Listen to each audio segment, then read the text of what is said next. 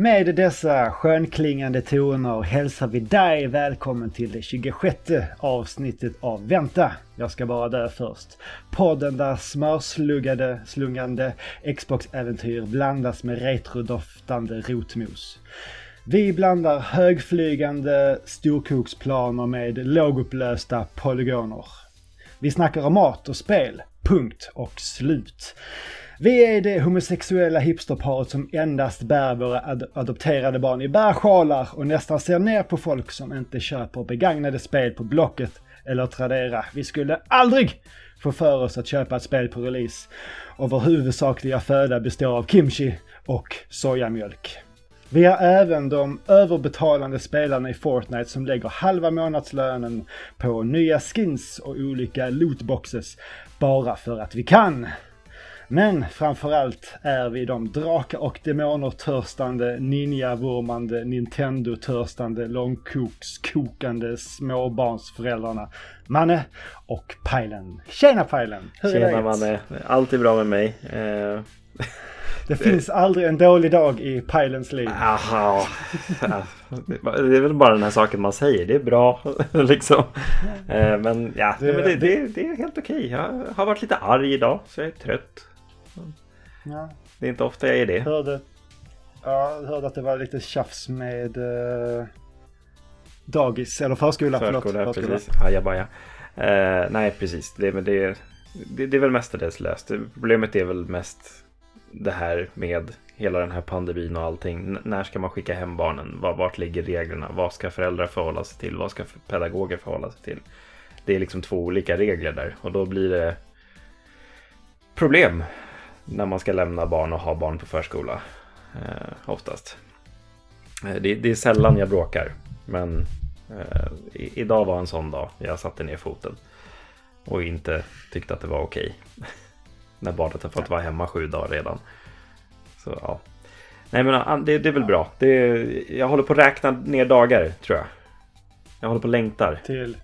Monster Hunter. Till vara tillbaka på Ah, tillbaka till jobbet. Jag, jag, kommer aldrig komma tillbaka, tillbaka till jobbet. Längtar, snälla. Vi, vi befinner oss, många, eller så här, många befinner sig just i en tid där faktiskt här, om man längtar att få gå tillbaka till arbetet och att det ska gå tillbaka till vanligt. Ja. Och, som det var en gång. Jag har väl förlikat mig med tanken på att jag aldrig kommer komma tillbaka känns det som. Typ. och så kan jag bara bli positivt överraskad därifrån. Ja. Uh, så ja, men jag ska inte vara så. Alltså som jag sagt förut, det är liksom, jag håller ner smittan, jag kan fortfarande jobba hemma. Framförallt får jag ha jobbet kvar. Eh, det, mm. jag ska inte klaga egentligen. Nej. Eh, det är många som har det värre. Manne då, själv? Hur smås det? Jo, det mås bra, men det var lite stress fram till den här inspelningen också. Eh, jag, vi handlar ju matkassar ja. som vi hämtar ut och åkte iväg nu under kvällen, god tid innan inspelning för att, nej men, åker han, hämtar det, ingen stress, kommer hem, packar in varorna i kylen, upptäcker att, ja men var är alla mejeriprodukter? Nej. Det, saknas en kasse. Så jag vet att jag inte har glömt dem i bilen, för jag fick med mig allt därifrån. Så bara, kanske de glömde packa den. Eller så var det kanske så att jag glömde dem i eh, facket där jag hämtade ut dem. Så det blev bara att åka tillbaks till eh, butiken och eh, ja, mycket riktigt så hade jag ju glömt dem i, i kylfacket då. Ja. Mm. Men det var i slutändan bra för när beställningen gjordes så var det vissa grejer som vi hade glömt att få med. Bland annat ost. Ja. Vilket är liksom vi har ingen ost hemma. Och då är det så nästan panik. Man vet liksom inte riktigt vad. Man vet inte riktigt hur vardagen ska gå ihop om inte osten finns i kylskåpet. Ja. Så då ah, fick det bli en liten uh, inhandling av det. Kom hem nu en halvtimme ungefär innan inspelningen. Så bara, just det, uh, intro, oh, okej. Okay. Uh, uh. Ja men det satt ju. Det, Ah, fan, det, det, det går på rutin. Ja, jag sa ju det till, till, till dig innan. Jag kan inte släppa det här med att jag måste, jag kan inte göra det två dagar innan. För då, då blir det något så här. Det måste vara lite så här panikigt och, och lite, lite, lite skitnödigt. men det är då det blir som bäst. Det är då det är vänta, ja, men... jag ska bara dö först introt. Ja, precis.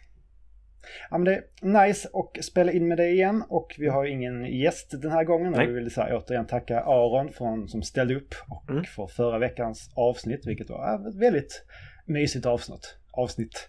Aron är ju väldigt härlig att prata med. Det, även om man inte själv får prata så mycket. Så, men han är ju på något sätt liksom så här medveten om det och liksom... Ja, det. så ja, återigen tacka Aron från Öppna Världar som var med. Mm. Och har ni lyssnare någon så här gäst som ni känner att den hade varit kul att ha med och lyssna på? Det kan ju även vara från andra, vi har ju haft mest så här spelfolk och som är i branschen och som vi känner. Och vi har väl några till som står på vår lista. Men eh, är det någon som vet någon annan kanske i matsfären som vill vara med och prata från sitt skrå och kanske bidra lite från med annat infallsvinkel får ni gärna höra av oss. Mm. Ja, det Antingen via mail eller på några av våra sociala medier. Och vi kommer väl fortsätta så att köra som på det sättet att ja, vi har, vi försöker ha en gäst var, vart femte avsnitt mm. ungefär. Precis. Uh. Ska, ska, inte vara, ska inte vara för mycket Nej. av det goda. Och sen vet folk kanske inte gillar att vi har gäster. Det får, får ni också gärna av er om, om de uppskattar det eller inte. Om de tycker det är bäst att det är vi två som sitter här och snackar. Eller om det är intressant men lite andra perspektiv emellanåt. Så kommentera gärna. Ja. Vi tycker om att ha gäster i alla fall. Ja, det, är ju, då, får ju, då behöver inte jag göra lika mycket. det är jätteskönt. någon, som, någon som fyller ut tystnaden. Ja, precis. Ja. Nej, det, det, vi har en ganska gedigen lista nu, måste jag ändå säga, med gäster. Det är ganska många som faktiskt hör av sig och bara, hej, vill vi vara med? Det, mm. det känns ju kul. Det är faktiskt jätteroligt mm. att man har ett forum som, alltså så här, ett koncept som folk känner att de kan, som känns inbjudande. Mm. Och i och med att vi har haft mycket gäster så visar vi det också på att, nej men det, det funkar. Mm. Ja, det tycker jag. Det tycker jag. Så det, toppen, toppen. Men ska vi gå in lite på uh, lite vad vi har käkat nu ja. Pajlen? Vad har du göttat ner dig i den uh, senaste tiden? Senaste tiden, jag har väl egentligen varit lite till och från eh, sen jul måste jag säga. Jag vet inte om jag nämnde det i podden någon gång. Men jag fick en wokpanna i julklapp av min sambo. Uh, varit grundligt lurad över vad det var. Jag, visste att jag hade önskat mig en bokpanna. Hon, hon hade sådana problem när hon skulle slå in den. För det var inte i någon kartong eller någonting. Och jag var så här, vad fan har hon köpt som inte är i en kartong? Liksom. Och så var det en jättekonstig inslagning och allting. Och så här. Så jag, jag varit helt grundlurad. För jag hade glömt bort att jag hade önskat mig en bokpanna. Men ja. den används ju väldigt flitigt ändå. Även om det inte är till wok varje gång så är det liksom eh, man gör kanske någon pastablandning i den eller jag eh, mm. stekte på liksom lite potatis här eh, för några dagar sedan. Och det, det är en jävla trevlig sak att ha i köket. Ja men just det här att man kan ju verkligen slunga mat i den. Ja. Utan att man börjar rädda att det spills. Precis. De här kanterna som oftast är lite lite för låga mm. på en vanlig stekpanna. Mm. Nej men det, det, det, är bra. Jag har, har ju två ganska stora stekpannor nu. Jag har, som jag har haft ett par år. Jag behöver byta ut en av dem nu skulle jag tro. Den har hängt med lite för många år. Ehm, men uh, jag har en som jag i princip bara steker kött i. Och sen så har jag en som jag bara steker min och Toves i. Uh, sen mm. brukar jag inte vara så här jättenoga med liksom kanske vad man använder ibland för tångar eller sånt där. Det, det, det, det bryr jag mig inte om så länge vi diskar det emellan. Um, är det teflon eh, du har eller är det gjutjärn? Uh, stål? En gjutjärnspanna har jag och sen så en teflonpanna. Uh, okay. så, så. Vi har en, nu, lite off topic här, men vi har också en, en liten gjutjärnspanna. Mm. Uh, och så fick jag en sån här, vad heter det, stålstekpanna. Mm med eh, någon sån här keramisk eh, insida. Alltså med För, några, några... antistick. Ja, ja, precis. Så det, det känns väl typ som teflon men det är inte riktigt lika bra som teflon men det är heller inte lika slit, Alltså det är betydligt mycket mer slitstarkt. Ja. Du kan, man kan ju i princip använda metallredskap Mm. i den. Även om det inte är rekommenderat. Nej. Men så i alla fall så nu har jag haft den i några år och den har, det tar ju mycket stryk på utsidan. Mm. Alltså det här med att de blir, den var ju så här silvrig och fin från början men nu så börjar jag liksom så här putta och hitta, jag tog en eh, så här en stål, eh, vad heter det? Stålull. Ja, men Inte en stål, stålull, ja precis. Inte svint utan en Nej. vanlig liksom ett knippe stålull. Och börja gnugga liksom så här längs med sidorna där det mest är liksom lite så här fettbeläggning. Så, ja men fan det här eh, gick ju bort ganska lätt så jag, jag tar liksom ett varv och kör igenom det på sidorna. Och så undersidan är liksom så här, helt svart. Så bara, ja men jag, jag testar. Eh, Bara för att se om det går att liksom rädda det här. Ja, och det, det gick ju med, med nöd och näppe. Men Mm. så det vart ju eh, från att bara så här snabbt diska av den så var det att jag stod i typ så här 30-40 minuter Mm. och bara så här såg hur den här stålstekpannan långsamt börjar återfå sin eh, naturliga glans. Den kommer ur kokongen. Ja, men precis. Ja. Jag bara... Och så mitt, mitt i det här kom eh, sambon hem och jag bara så här, Kolla vad fin! Titta, känner du igen den här? Ser du vad jag har skapat med mina båda händer? Med mina bara händer! Den är som ny! ja. Men, Ja, alltså det... Ja men det är väl, alltså jag tror sån grej är nu lättare att kolla efter om man har induktionshäll. mm. För då blir det väl inte så att fettet bränner liksom inte lika mycket under hela eh, stekhällen. Och det blir inte lika varmt underifrån. Så, då, så det, det längtar efter. Ni, ni ska ha det i nya huset. Eller har. mm, det, det, det glömde vi, det tog vi off air förra veckan. Men eh, jag har ju Ja, gått och har köpt det. hus. Ja. Så vi flyttar in i ett nybyggt område utanför Östersund. Eh, som det börjar inflyttning senare i år. Men Mm. vårt radhus blir inte färdigt förrän i ja, någon gång i april, maj Mm. nästa år. Så det är eh, väntans tider nu ja, jag kan tänka mig det. i ett år. Eh, Och, ja, det ska bli så nice att få liksom plats och ett nytt kök och allting är så här nytt. Ny, nytt kök Man- måste vara underbart. Ah, fantastiskt. Och där är induktionshäll. Ja. Så det, ja, det ska bli toppen. Men åter till woken. Just det, det var där vi var. jag är helt borta. Eh, Wok ja, eh, det är lite det jag har sysslat med eh, senaste tiden då i min nya fräscha wokpanna och försökt hitta ja, men så här, eh, bra bok eh, recept i princip. Och det är inte så att jag kollar upp några recept utan jag kör bara på måfå egentligen. Eh, men jag gjorde en här eh, ganska nyligen. tror jag. Ja, det var nog i slutet på förra veckan eller någonting. Där jag gjorde då, eh, liksom kokade upp lite ris. Eh, och eh, sen så hade jag i eh, de här som jag har nämnt så många gånger förut. Eh, vegetarian Butchers, eh, liksom chicken, chicken bits om man säger så. Eh, no, no chicken heter de tror jag. Eh, och eh, liksom krydda på det tillsammans med lite lök och vitlök som jag fräste på först. Har i lite broccoli, liksom lite vattenkastanjer, eh, minimajs. Vad hade jag mer? Jag tror inte att det var så mycket mer så grönsaker än så. Eh, och liksom, ja, men krydda på det med liksom, de kryddorna jag hade. Jag hade lite eh, vad det? var salt, peppar, paprikakrydda.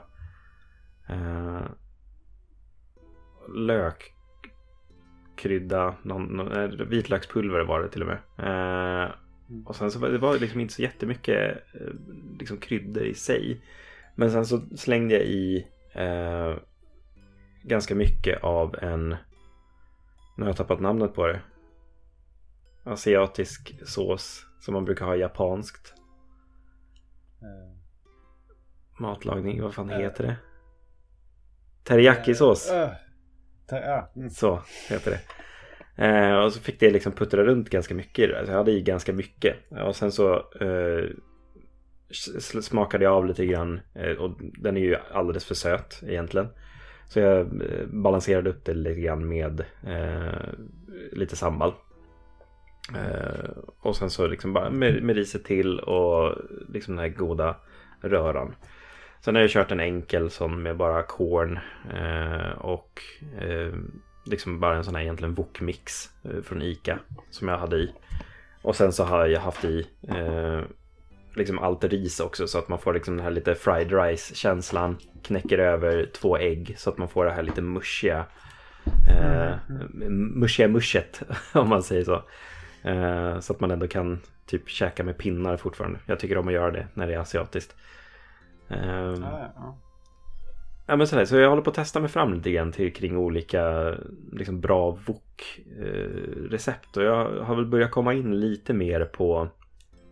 Eh, jag lovade mig själv 2020 att jag skulle laga mer asiatisk mat. Vilket jag inte Mm. höll. Eh, men jag har kommit in mer på det nu i, i år känner jag. Jag provade, det har jag inte tagit upp i podden. Tror jag. Men jag provade ju att göra en ramen. Eh, förut. Det. För ett par veckor sedan. Ja, du, Eh, och det, det vart kanongott. Eh, men jag ska prova det där lite till innan jag liksom ska tipsa om det i podden tänkte jag. Eh, för det var, det var sjukt kul att göra också. Eh, det är väldigt tillfredsställande och enkelt att göra för man kan fan ha i vad som helst i den där ramen eh, grytan om man så vill.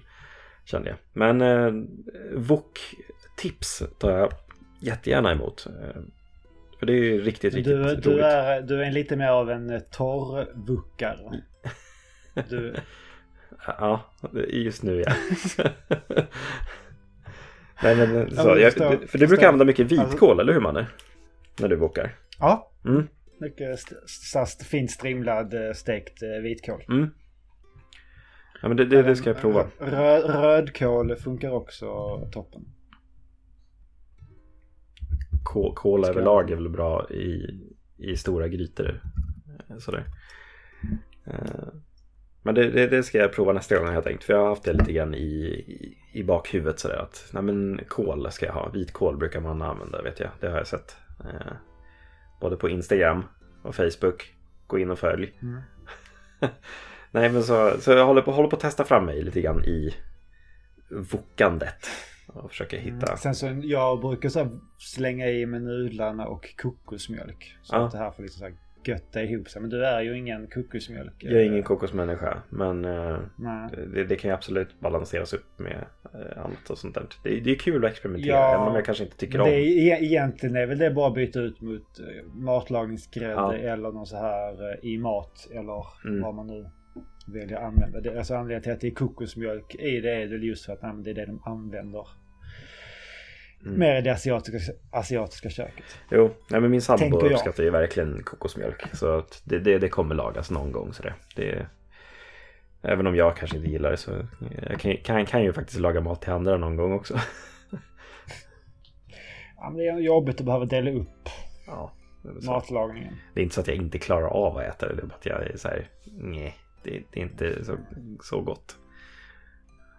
Tycker jag. Ja, jag vet inte, jag, jag, jag har ju nämnt det tidigare men jag tycker inte att det smakar. Alltså jag väldigt sällan att jag tycker att det smakar så mycket kokos. Mm. Eller så har jag bara vant mig, Så kan det vara. Så kan det vara. vid det. Nej men det är så, som sagt, eh, hör av er lyssnare om ni har några bra wok-tips. Eh, Så skriv gärna till eh, oss på Instagram eller Facebook. Det vore jättekul att ta del av lite annan. Mm. Eh, På tal om skriva till oss. Jag ska sätta mig i helgen, eller vi kanske ska höras och just få igång vår eh, Discord Ja, som vi har snackat om. Så att vi kan börja diskutera mm, närmare med våra lyssnare. Och jag lovar att komma ut med länk när det väl är färdigt. Jag har inte riktigt pejl på det. Men det borde ju...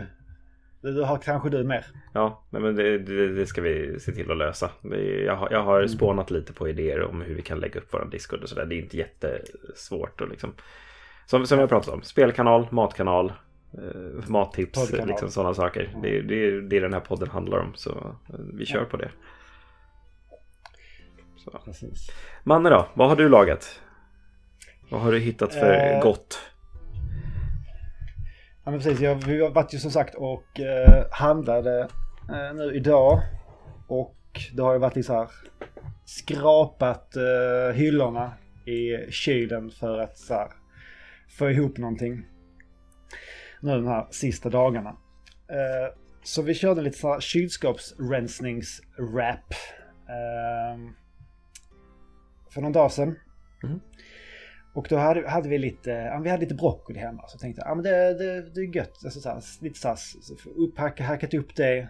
Så att det blir lite, så här, lite mindre bitar. Inte de här stora träden utan mer, lite mer fi, en finhackad mindre bitar. Steker upp det med eh, i smör med lite vitlök. Hacka som jag lägger på lite efteråt så att inte det bränns för mycket. Mm. Och sen hade vi sambon också sa, ja men kan vi inte testa att köra lite sesamfrön på det för att få lite mer nötig eh, smak. Mm. Så det var, liksom, det var ett eh, tillbehör som vi hade på. Och sen så hade vi även, vi hade gjort eh, rödbetsbiffar som jag pratade om också i förra podden som varit, varit över. Så de, eh, det fick bli liksom ett par sådana i varje eh, wrap också.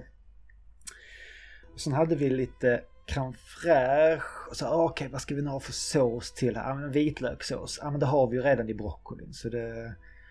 Ja, men kanske ska köra åt något lite, lite sötare hållet för att här balansera upp eh, det där. Ja, men eh, hacka ner lite soltorkad tomat. Mm. I uh, crème fraîchen. Så får vi lite så här, en liten söt, mild sås. Nästan lite så här åt, uh, vad ska man säga, en kebabsås Mm, jag kan tänka mig att det kan bli det. Li, lite strävare kanske. I och med att det ändå är eh, crème fraîche. Men ändå ganska väldigt mild och god. Och så gjorde vi en uh, ganska torr coleslaw. Inte allt för liksom mycket crème fraîche och dijon. Sen slängde jag, stänkte jag även i lite, um, vad heter det? Uh, vitvinsvinäger. Så här för att få upp lite mer syre och lite så här, lite crème fraîche och lite, lite dragon. Nej, jo, dragon tror jag hade i också. Underskattad krydda. Ja, verkligen. Jag tycker den är just i... Uh, alltså just blandat med typ crème fraîche eller majonnäs funkar det ju väldigt bra. Ja, verkligen. Om man gör typ en, en vad heter det, en potatissallad mm. eller en coleslaw eller liknande. Eh, så lite coleslaw i det och sen lägga allt det här i ett sånt där ett eh, libabröd. Mm. Och baka ihop det. Ja, det var, hade varit en riktig toppen middag faktiskt. Kombinera funkade väldigt bra ihop. Smakerna var så här lagom. lite så här lagom av allting. Utan att det var någonting som tog över. Mm. De, de, de där maträtterna man, man hittar på, det har vi pratat om någon gång. Det här kylskåpsrens matlagningen. Ja. Det är alltid lika ja. spännande för att man, man, man hittar nästan alltid något nytt. Liksom. Ja, men det här har vi aldrig provat eller den här grejen. Ja, men det här funkar ju faktiskt mer i det här. Eller eh, ja, men liksom, ja, men man gör de här wrapsen som du eh, pratar om. Det är, de sa, ah, Nutella och räkor, hur gott är det egentligen? Okej, kanske inte så. Man, man, man, vet inte förrän man har provat. det var som min, eh, min lilla syster när hon var, hur gammal kan hon ha varit då? Hon kan inte ha varit mer än typ 11 eller 12. Hon var på min sambos studentmottagning. Och hon ville inte äta någonting. Och det enda hon hittade som hon kände för var oliver och vispgrädde. Ja, det satt han och käkade hur mycket som helst. Oh. Det, ja. På tal om nästan, på tal om nästan det, inte, inte oliver men typ fetaost och vispgrädde gjorde sambon en sås av. I, eh, Okej. Okay. Nu i, ja. Jag vill upp, vi, gjorde, vi, vi hade lite gryta kvar så gjorde vi hade vi fler sådana här libabröd så hade jag gjort en gryta dagen innan hon äh, ja, utökade den lite. Ja. Och så gratinerade hon dem som en um, burrito eller vad heter det? Fajitas? Uh, enchilada om så, det är i ugnen. Enchil, enchil, enchiladas ja. liksom ost i ugnen. Och sen vispade upp uh, grädde och uh, bosnisk vitost. Ja, det var faktiskt en riktigt god, eh, fluffig eh, sås. Den hade lite salt och lite... Hade du citronpeppar? Det låter som en konstig kombo men det, det, kan nog faktiskt funka när du säger det. Ja men det faktiskt. Alltså så här, man, typ, man, man, man kan ju inte tänka semla liksom. Man får liksom inte så här.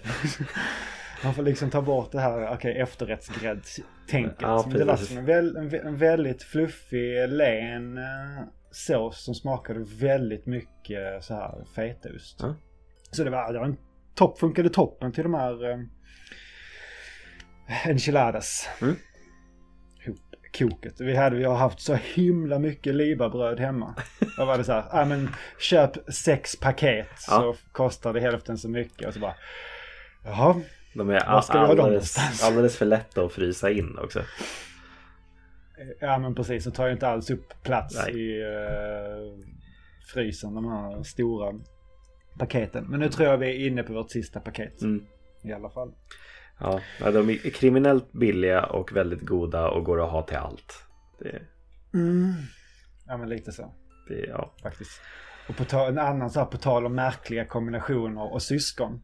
Eh, min ena bror så här standardmacka. Det var, jag tror det var så här, en vanlig rostmacka. Eller ja, vilket bröd som helst egentligen. Om det var en pågenlimpa eller vad det nu var vi hade hemma. Ja.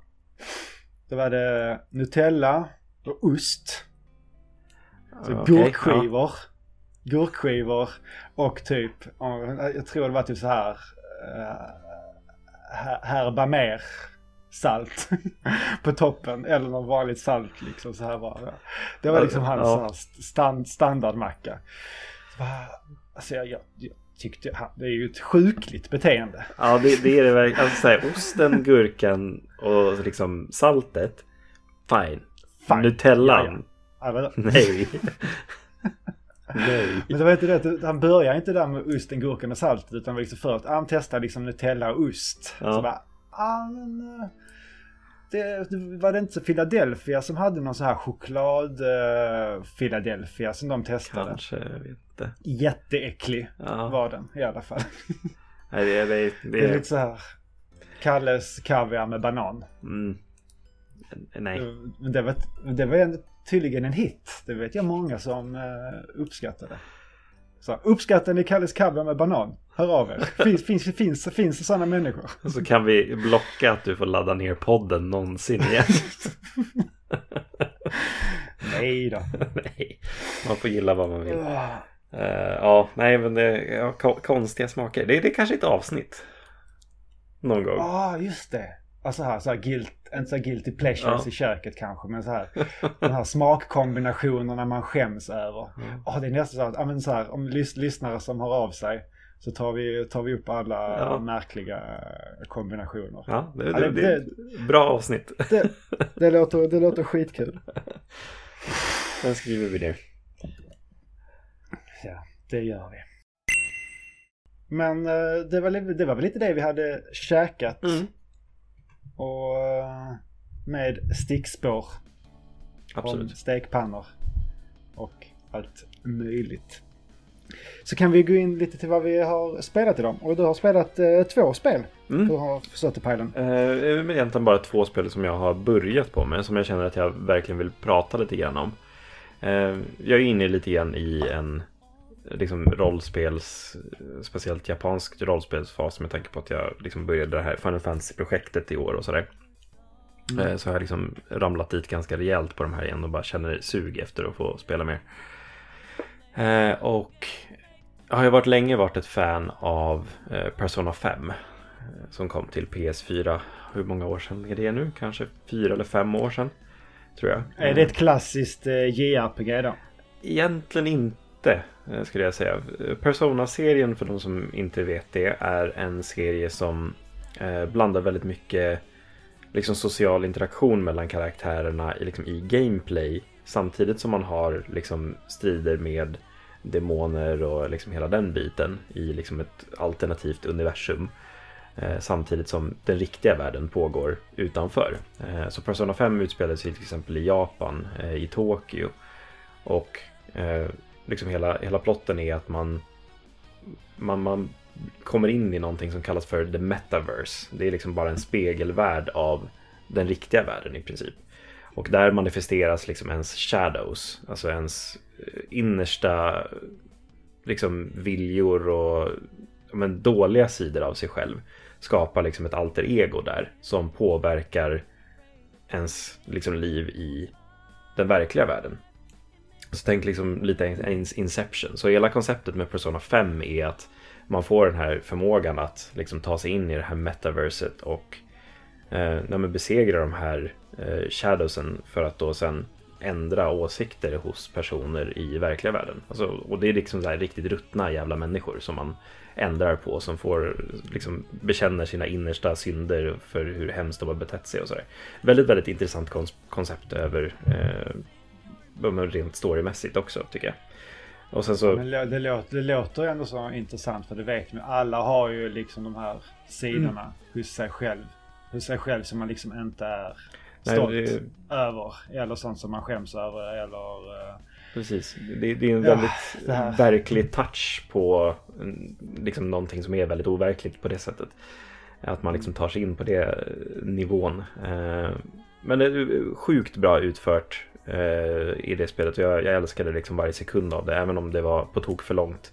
Bara mainlina spelet tar ju typ 80 timmar. Eh, och det är liksom, då, då, är det liksom inte ens grinding och sånt inräknat.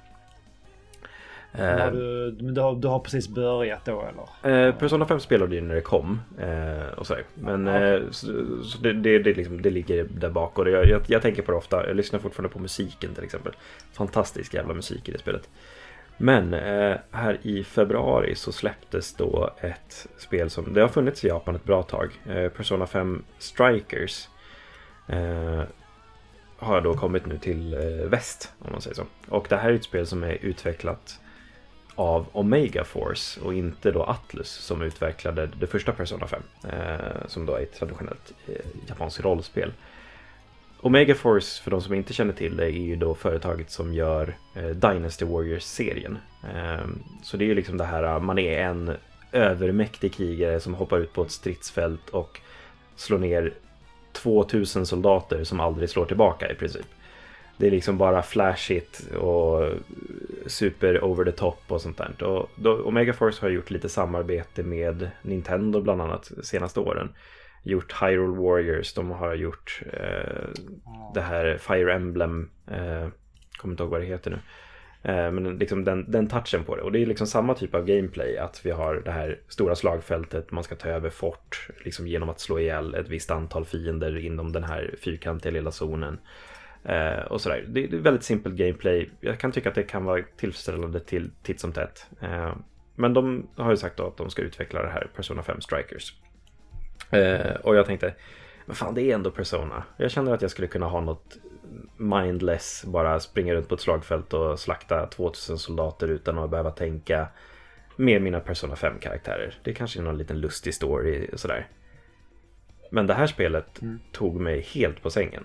Jag har inte kollat upp okay. någonting kring det. Det här är liksom en direkt fortsättning på Persona 5.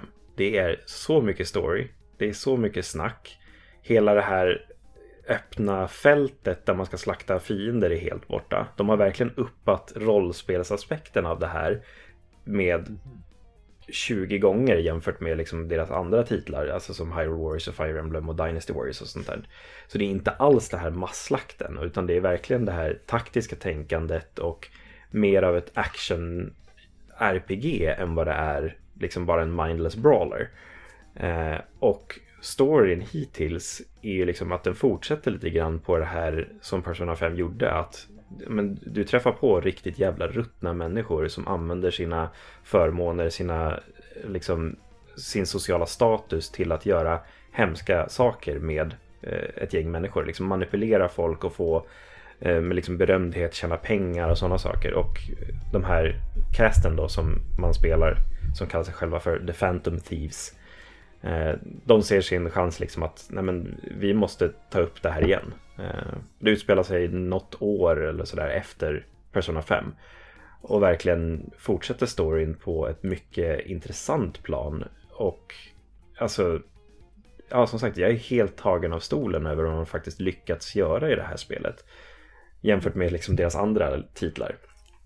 Eh, för som sagt, jag gick in och sa ja, men jag ska springa runt på det här slagfältet och bara trycka på knappar och se coola animationer. Nej, det är liksom full-blown story och det är intriger och det är vändningar och det är konfrontationer och det är utmanande strider och det är samlande av vapen och pengar. Och det, alltså det är sjukt imponerad av det här spelet hittills. Eh, det det kanske är någonting som eh, liksom så krävs i och med att Persona 5 är så himla storytungt. Jag menar jämför man med Hyrule Warriors. Då är det ju visst, det är ju ett intressant gameplay med pussel och sånt. Mm. Men det är ju inte den här storyn och karaktärsutvecklingen Nej. som eh, förför för en. Nej. Men det är det kanske i person, mer då i Persona 5 och då måste de mer ha det. Ja, för ja, att behålla absolut. fansen i den här. Det är, det, men det, det är det verkligen. Och det, är, ja, men det är intressant att se några som, ja men då Omega Fair som verkligen har nischat in sig på en typ av genre och liksom gör samma typ av spel med, en, med ett annat skin hela tiden.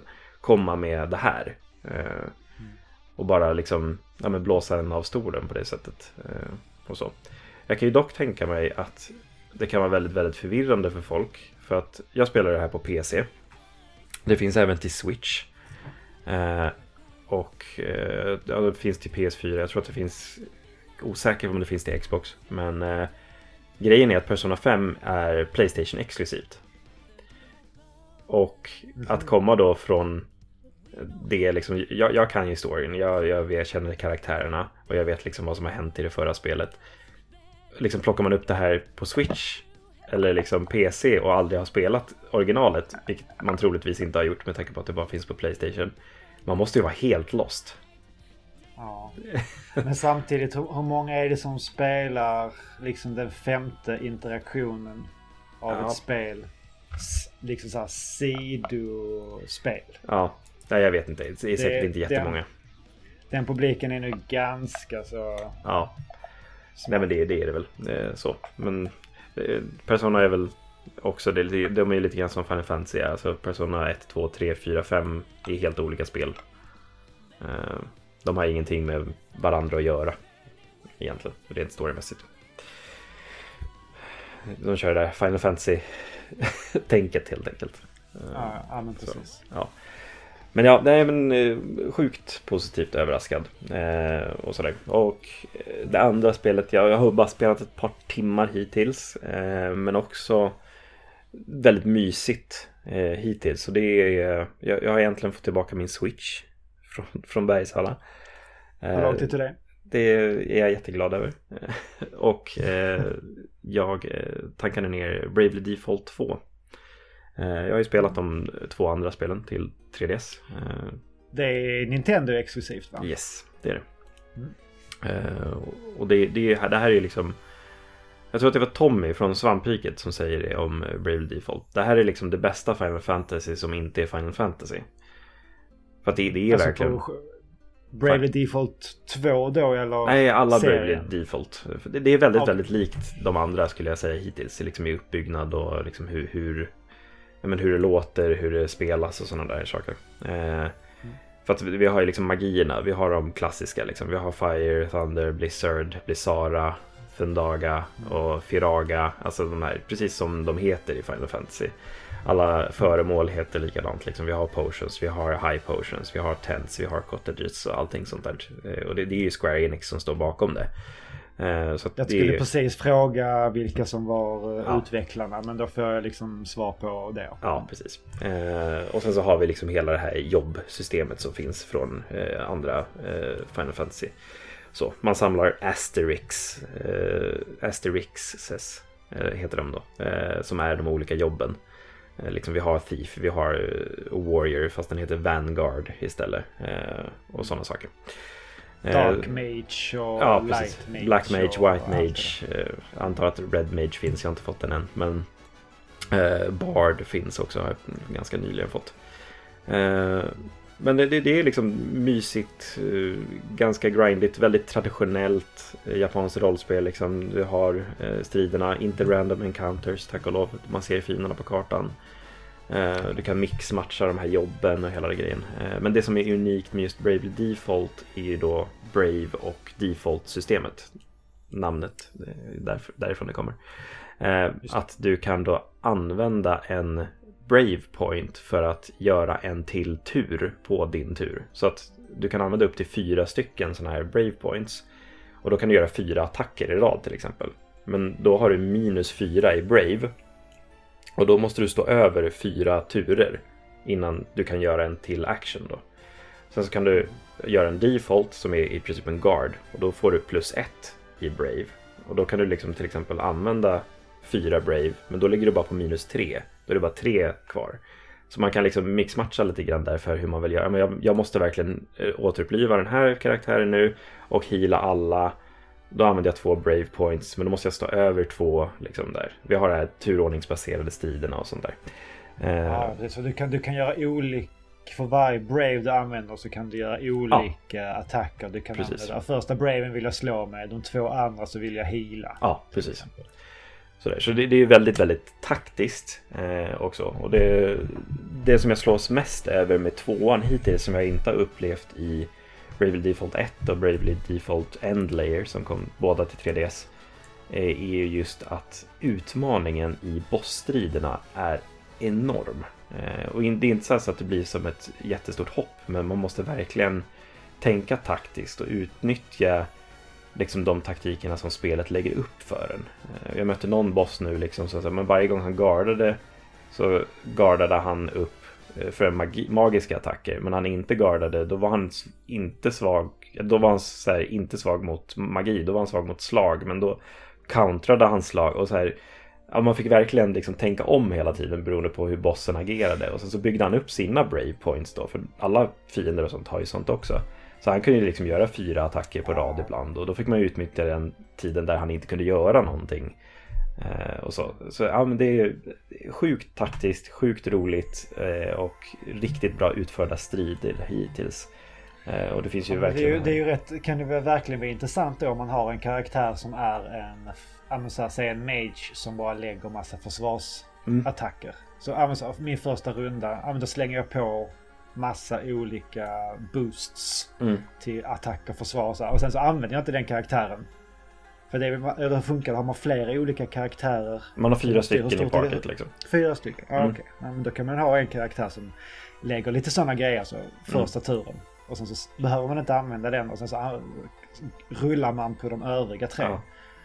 När de är liksom uppade. Jo, nej men det, det, är lite så jag har gjort lite grann så här, men typ när min healer inte behöver heala då får de bygga upp sina brave points liksom. Eh, ja, och, sådär. Eh, och så har jag någon liksom som just nu har levlat upp sin White Mage skill ganska mycket. Så att hon, hon, hon har liksom White Magic som sin subgrej. Så att hon kan liksom off-heala och liksom heala utifall att min main healer inte behöver göra någonting eller inte kan göra någonting. Eh, men samtidigt så har hon ett jobb som är väldigt attackfokuserat och liksom kan delaya turer för sina motståndare och Eh, sådana saker. Så ja, nej, men det är sjukt intressant stridssystem. Storyn är hittills ja, men väldigt klassisk Final Fantasy. Du ska samla ihop alla kristaller. Liksom, du har vind, du har vatten, du har jord, du har eld. Eh, det är hela den grejen. Sen så händer det lite saker däremellan och karaktärer eh, vänder och vrider och ja, eh, så. Men mysigt är det hittills. Det ska bli sjukt kul att fortsätta och få se slutet på det här. Jag kommer att tänka på nu just det här min bästa JRPG, alltså den här typen av spel som jag ny, även om jag spelade Nino Kuni nyligen mm. så är det ändå Octopath Traveler. Mm. Som ligger med, som jag tänker på om jag så här visualiserar, även om säkert alltså stilen och så här inte är den samma så kan ju alltså just att det är mer likt när det kommer till det här turordnings... Eh, ja baserade stridssystemet. Ja. Där var ju Nino Kuni ganska så olikt den här klassiska skolan. Mm. Ja men det, det är det verkligen.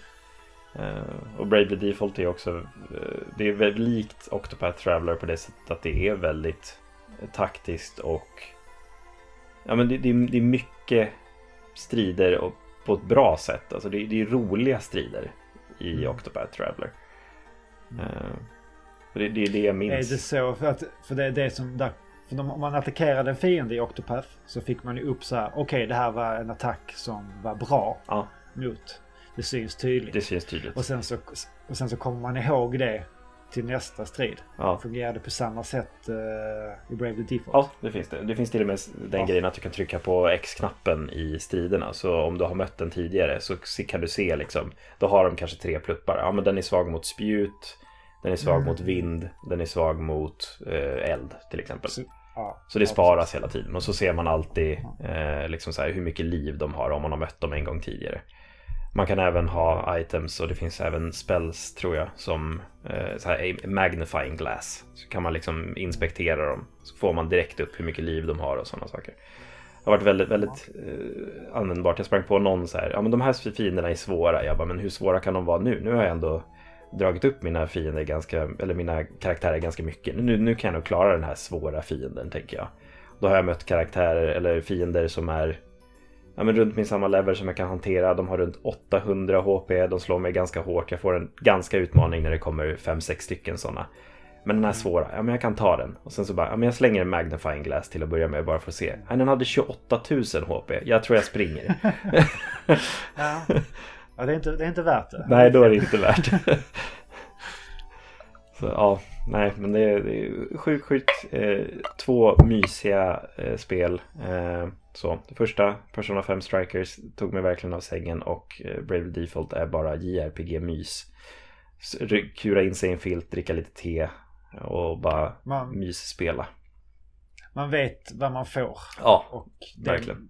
Det, det man får är precis det man eh, vill ha. Mm. Liksom. Ja, men det, det, det, kände jag med, med, verkligen med Bravely Default. Eh, som sagt, Persona 5 var inte det jag trodde jag skulle få, men jag var positivt överraskad ändå.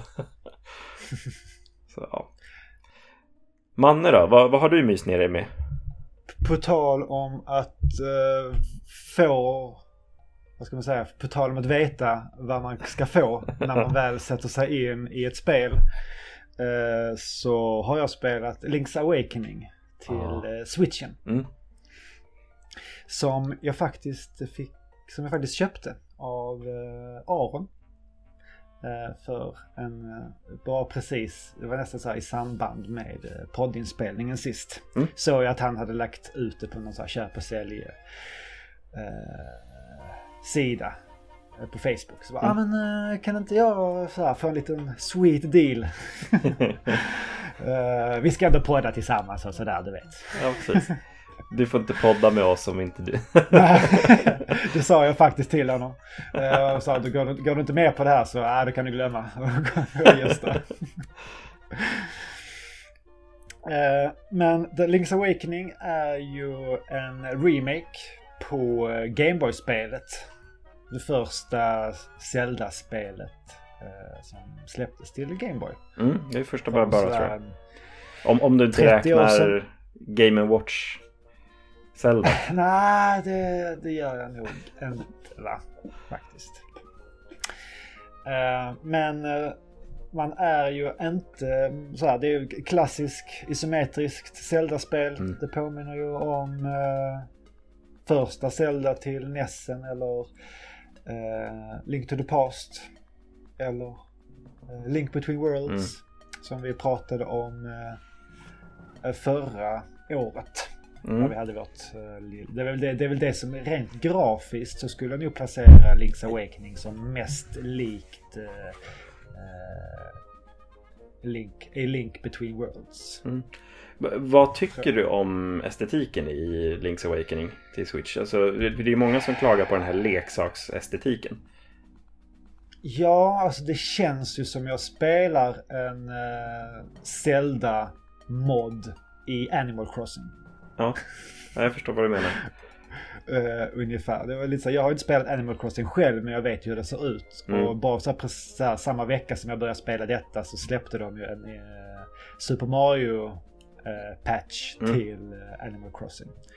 Och jag bara, ja men det, det är väl ungefär en så här en Zelda patch till Animal Crossing hade sett ut.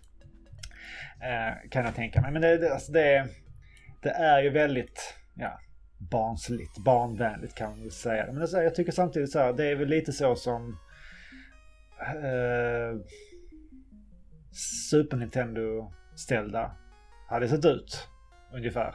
Om, det är också så här, det är ju inte en jätte så här, mörk green. Alltså det är också ganska så här glättigt och färgglatt. Inte riktigt lika glansigt kanske men eh, jag tycker väl ändå så att det funkar. Mm. Men eh, det är ju inte det snyggaste. Samtidigt så är det väl samma sak att det heter det, uh, GameCube, uh, Link, vad är det det heter? Twilight Princess? Eller Wind Waker? Nej, Wind Waker. Ja. Det är väl också lite så här, gå ifrån mallen, ja. om man ska säga, inom citationstecken. Uh, om man så här tycker att ah, men Zelda ska se ut antingen som i Link to the Past Zelda eller typ Twilight och Arena of Time mm. Zelda. Den är ju liksom varken, varken eller där riktigt. Och den ser ju inte ut som den här uh, Teens barn-Zelda som är i uh, Wind Waker. Nej. Heller. Nej. Så han, han har många ansikten. Vår uh, kära Link. Ja, nej, jag, jag har absolut inga problem med den. Jag tycker att den är riktigt, riktigt vacker att kolla på. Jag gillar att de håller på att förnya sig och göra om liksom, estetiken på Link och Zelda överlag. Jag tycker att det är mysigt. Ja. Och han har ju aldrig egentligen sett likadan ut Nej. i två spel. Nej. Så det, så det, det ja. Jag tycker det funkar bra. Mm. Och det, men det är, vad är det i Zelda-spel som gör att man vill komma tillbaks och göra exakt samma sak? En gång till. Jag vet inte. det är ju något som verkligen jag tänkte på den här gången när jag spelade. För nu, så här, nu, vad, vad, nu spelar jag ju 3DS uh, Link Between Worlds uh, för ett år sedan ungefär. Mm. Och det var ju ändå lite, även om det är väldigt likt, så hade det ändå väldigt mycket nytt. Detta här var ju verkligen, dels är det ju en remake på ett spel som är det, vad är det, an, vilket i ordningen var det? Var det tredje eller fjärde? Jag tror att det kommer mellan Zelda 2 och Zelda 3 då. Nu, ja. nu killgissar jag vilt. Men man kan ninja-googla samtidigt. Mm. Men eh, som sagt, det är ju en... Jag började ju, jag fick ju, har fått låna Link's Awakening till Gameboy av en kompis. Och vi började, vi testade och spelade men då körde vi fast. Det, det var precis som att det buggade i någon typ mm. den andra dungeonen. Så bara, äh, vi orkar inte spela om det för att se om det funkar. Vi testade, vi gjorde, vi gjorde, följde en walkthrough bara för att göra exakt samma sak. Så bara, nej men det funkar inte. Så bara, nej, då struntar vi i det. Då, då spelar jag Switch-spelet när det väl blir tillfälle till det istället. Jag, jag kollar upp nu, bara, ju... så vi säger rätt. Uh, Link's Awakening kom efter Link to the Past. Typ mm, två år efter. Jag vill, uh, mm. ja, ja, men precis. Det, var, det, det känns ju igen. Mm. Uh, för jag för mig att det är som en uppföljare på det. Ja, det, det, det, kan det vara. Han, han åker iväg med båten där, det är så det börjar. Mm, precis. Link spolas upp på en strand. Hans svärd är borta va? Mm, och, svärd och sköld. Man tar, svärd och sköld är borta. Man tar sig till en by i nöd. Och så bara, åh här är en vindfisk som eh, terroriserar ön. Du måste hitta åtta instrument. Såklart. Ja, uh, man ska väcka vindfisken nu va? Just det, väck, väcka vindfisken ja. Som är i ett jättestort Yoshi-ägg. Mm. Den är lite gullig. Ja, och det är alltså det, här, det som är det gulligaste i det här spelet är ju alla Super Mario-referenser. Här är Gumbas, här är Shy Guys, här är... Uh, Chain Chompen finns ju också. Chain Chompen. Här är... Uh, vad är det de heter? Bläckfisk. Uh, uh, ja, vad heter de? Någonting ja, S. Sak, uh, ja. ja, men i alla fall. här är liksom så här hur mycket Super Mario referenser som mm. möjligt. Så det känns ju, ja, ja det, det, det är mysigt och man det är ju man ska liksom, man har ju inga färdigheter från början. Men man ser ju överallt i världen. Okej, okay, det här behöver jag få komma dit. Mm. Och det här, ja, oh, det här behöver jag få komma dit. Och det som jag älskar i det här spelet är ju att man kan sätta ut pins mm. med hjälp av kartan.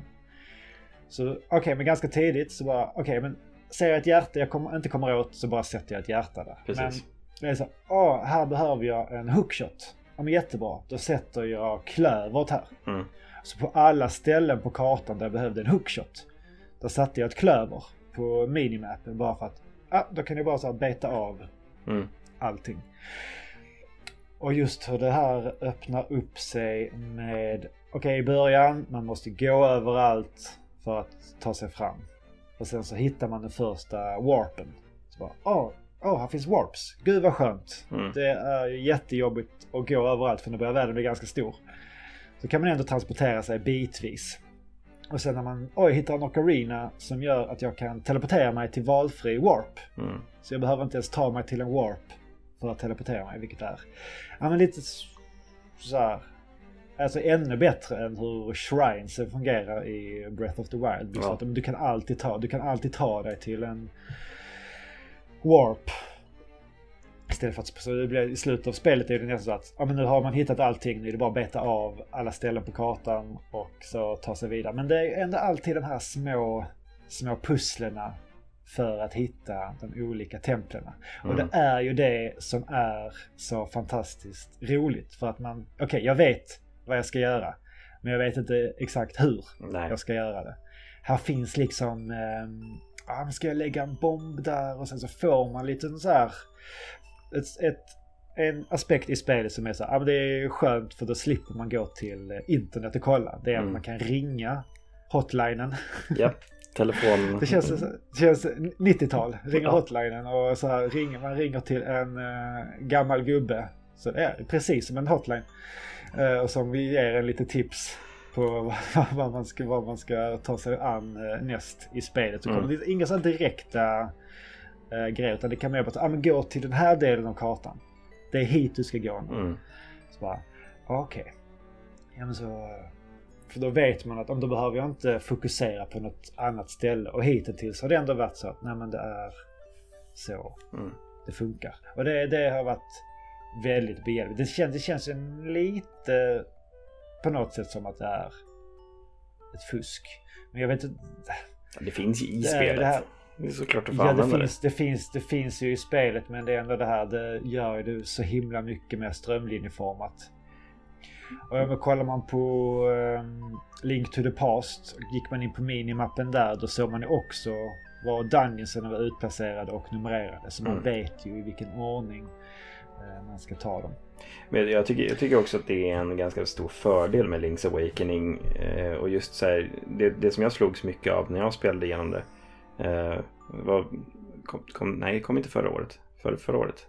Nej, det måste vara förra året. 2019. Ja, precis. Så var det. På, där, till, till jul, eh, till precis i slutet. Ja, precis.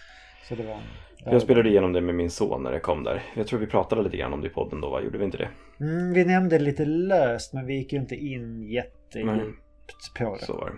Uh, nej, men han älskade det också. Uh, och det, det, det, jag skulle komma in på. Uh, just det som jag slogs av när jag spelade igenom det är ju faktiskt hur bra ändå Link's Awakening håller idag. Och att det är så bra pacing i det hela tiden. Att du, liksom, du fastnar aldrig på ett ställe för länge utan det går alltid att lista ut. Och sen så, ja, men man har den här hotlinen om man så vill. Eh, det, går, det går alltid att ta sig vidare väldigt enkelt. Man behöver inte stanna upp och liksom titta i telefonen eller titta en walkthrough eller sådär. Det, det går att lista ut väldigt enkelt. Eh, och det, det, tycker jag ändå är, det är ganska skönt. Och det, det är inte så långt Zelda-spel heller. heller. Det är, man, man, tar, man gör bra progress varje gång man spelar. Liksom. Man, man kan ta ett mm. tempel på en kväll. Liksom. Ja men precis. Och det är som sagt, det är som det har vi nämnt tidigare också när det kommer till Zelda. Att det är ju templen som är ett pussel. Sen är det här att ta sig till templet. Mm. Är det andra pusslet. Så det är mm. ju alltid, ah, nu är man ute och letar grejer och nu går man in i tempel. Och... Sen så saknar jag väl lite den här som det var i Link to the Past. Den här uppdelningen. Alltså just det här början. Okej, okay, mm. för att komma vidare måste du göra det här först. Du måste hitta de här tre kristallerna. Mm. Och då hittar man uh, The Master Sword. Mm. Och sen börjar det liksom så här. Då är man färdig med den biten och då kan man göra så att man kan ta sig vidare i spelet ja. och det öppnar upp sig mer. Ja, det, det, det, är så här lite samma samma hela mm. tiden. Men det är ändå så här, det är supermysigt och jag spelade ihop med sambon och man kör lite så här pass the controller. Mm. Uh, det är, ja men, ja, men du, du tar Zelda så tar jag bebis. Mm. Precis. så här, om, hon, om hon vaknar eller så. Ja, men jag, jag kan gå in en, så här, hon behöver somna. Men då kan du fortsätta i templet eller så här. Det är så att jag... Visst man missar ju små detaljer. Men ja. det är fortfarande bara så att äh, det, jag, har sett, jag har sett det förr. Mm. Det, det, är liksom jo. ingen så här revolutionerande grej. Och det är det här... Det är som, det, man blir lite så här kliad på ryggen. Mm. På de här trevliga, trevliga ställena som man gillar. de här eh, erogena tv-spelsessionerna. Zelda-nerven scritchas. Ja, men verkligen. Ja. ja, nej men det... Jag tror framförallt att Link's Awakening till Switch är den här nostalgititeln för många. Eh, att man får återuppleva sin gamla favorit på det sättet. Uh, för det, är ju en väldigt bra gedigen remake som inte egentligen gör så mycket nytt. Det känns ju fortfarande att det är ett Gameboy-spel på ett sätt. Alltså som du säger att det, det, det, det finns inga så här, det finns inga arcs. Liksom. Utan det, det, är bara det är en rak linje hela vägen. Men en grej som de har ändrat det är väl det att på, för man kan ställa om två knappar man har till två olika vapen. Mm. Uh, men i Gameboy-versionen så var en av de knapparna svärdet. Ja, och jag tror även att skölden var en knapp också som man var tvungen att switcha mellan. Liksom. Ja, man hade bara två slots. Liksom. Ja, men nu har man ju man har svärdet alltid på samma mm. knapp och man har skölden på samma knapp. Ja, det är, inte så här quality sen of life grejer. Ja, ja men precis. Och sen så kan man då byta de andra knapparna om man ska ha bomber, om man ska hoppa, om man ska ha mm. hookshot, boomerang, ja, ferries. Mm. Ja, allt möjligt. Och det är återigen, ja, hookshoten är alltid, den är alltid laddad med hookshoten. Det är bästa vapnet. Ja. Ja, det, ni hade kommit en bra bit i det också va? Ja, vi befinner oss just nu på sjunde templet och det märker man. Okej, okay, nu börjar det bli Mm. Förra templet var det så här, ja men ganska rörigt men det gick ändå, ja men ganska fort. Nu är det så här multipla våningar och det är switchar som eh, ändrar vart man kommer fram eller inte. Man kan falla ner från våningar av misstag och sen på vissa ställen ska man falla ner. Mm. Uh, och man ska även bära med sig ett item runt. Som så här, och det är så här bara åh, springa runt och springa tillbaka och bara åh, jag har gjort det här sex gånger redan och jag är fortfarande bara på första våningen av fyra. Det just, just det där templet i Link's Awakening är där svårighetsgraden liksom ja. det går upp ganska rejält. Eh, från liksom tidigare Sen så tempel. finns det ju du kom till det här gömda templet också på kyrkogårdarna. Mm. Mm. Spoiler. Eh, men eh, det är väl ett tempel som inte är med antar jag. Och det är också helt uh, valfritt. Mm. Och där kan man ju då hitta uh, Dungeon. Om man flyttar vissa gravstenar i rätt ordning. Och när man väl är i slutet på den Dungeon så kan man välja att man antingen ska ha en Links klassiska blåa dräkt eller Links klassiska röda dräkt. Och där blå betyder dubbel defense och röd är dubbel attack. Ja. Och vi tänkte väl lite så att nej men heart pieces och hjärtan det får man ju hela tiden. Mm. Ändå. Eh, och sen så är ju den röda dräkten mycket coolare. Och det är, det är alltid kul att kunna eh, bara så slakta sig fram och ja, göra kaninmat av ja, fienderna.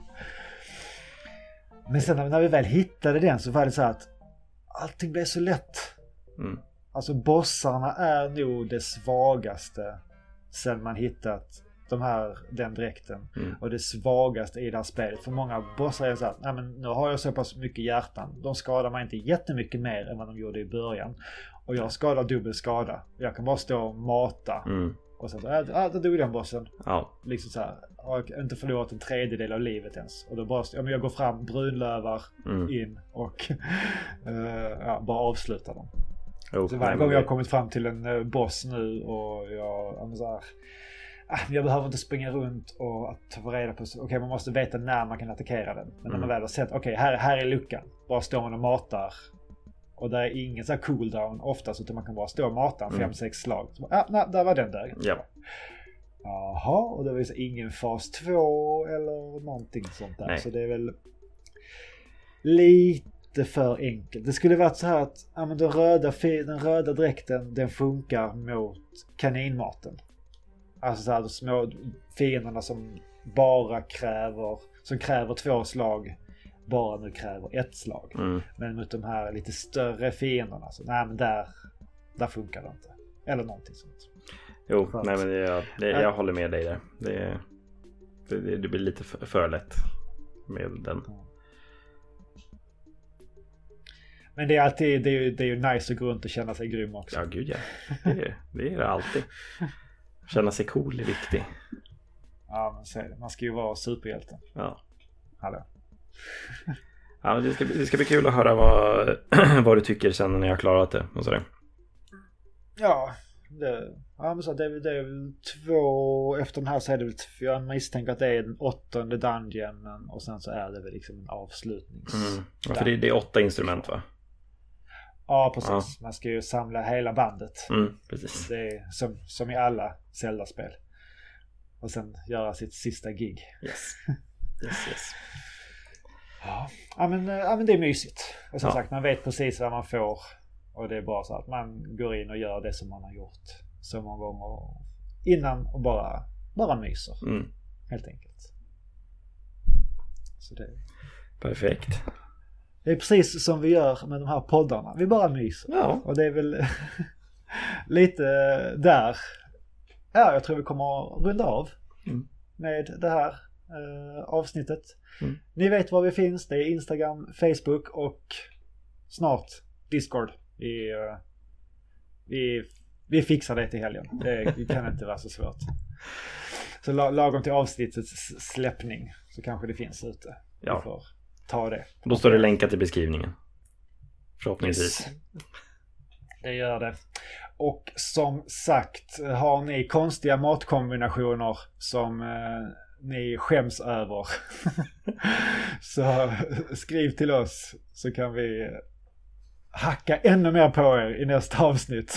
För hur äckliga ni är. Ni, ni får vara anonyma om ni vill. Ja, det går jättebra. Och jag hade ju så här, har du testat ostbågar på glass någon gång? Ja, Det, det är fan gott. det funkar faktiskt. Det- Chili Ja. cheese med mjukglass. Jaha. Den funkar Inte också. som strössel då utan som hela... Ja, precis. Man tar chili cheesen och doppar den i mjukglass liksom. Skopar. Ah. Mm. Ja, chili cheese. Ja, nu tänkte jag på cheese balls. Men nu, nu fattar jag. Ja.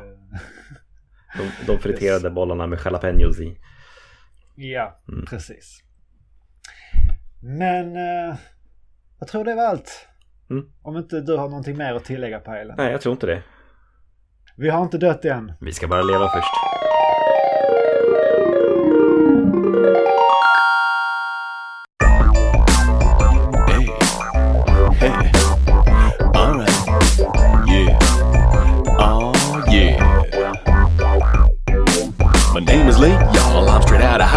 Been on the force of good since 1986. Old school. I'm bringing you a laid back summertime jam. Hold on a minute, Link. Hey, what's up, old man? I see that you're embarking on another epic quest. You're gonna use your ocarina to rescue the princess, but you'll need a magic weapon that'll never ever miss. It's dangerous to go alone. Take this. Oh, thanks, old man. That is really very nice. I can always count on you for help and friendly advice. Though I've never seen a sword of quite that shape or size. Oh, God, that's not a sword, it's your dick in disguise. Yes,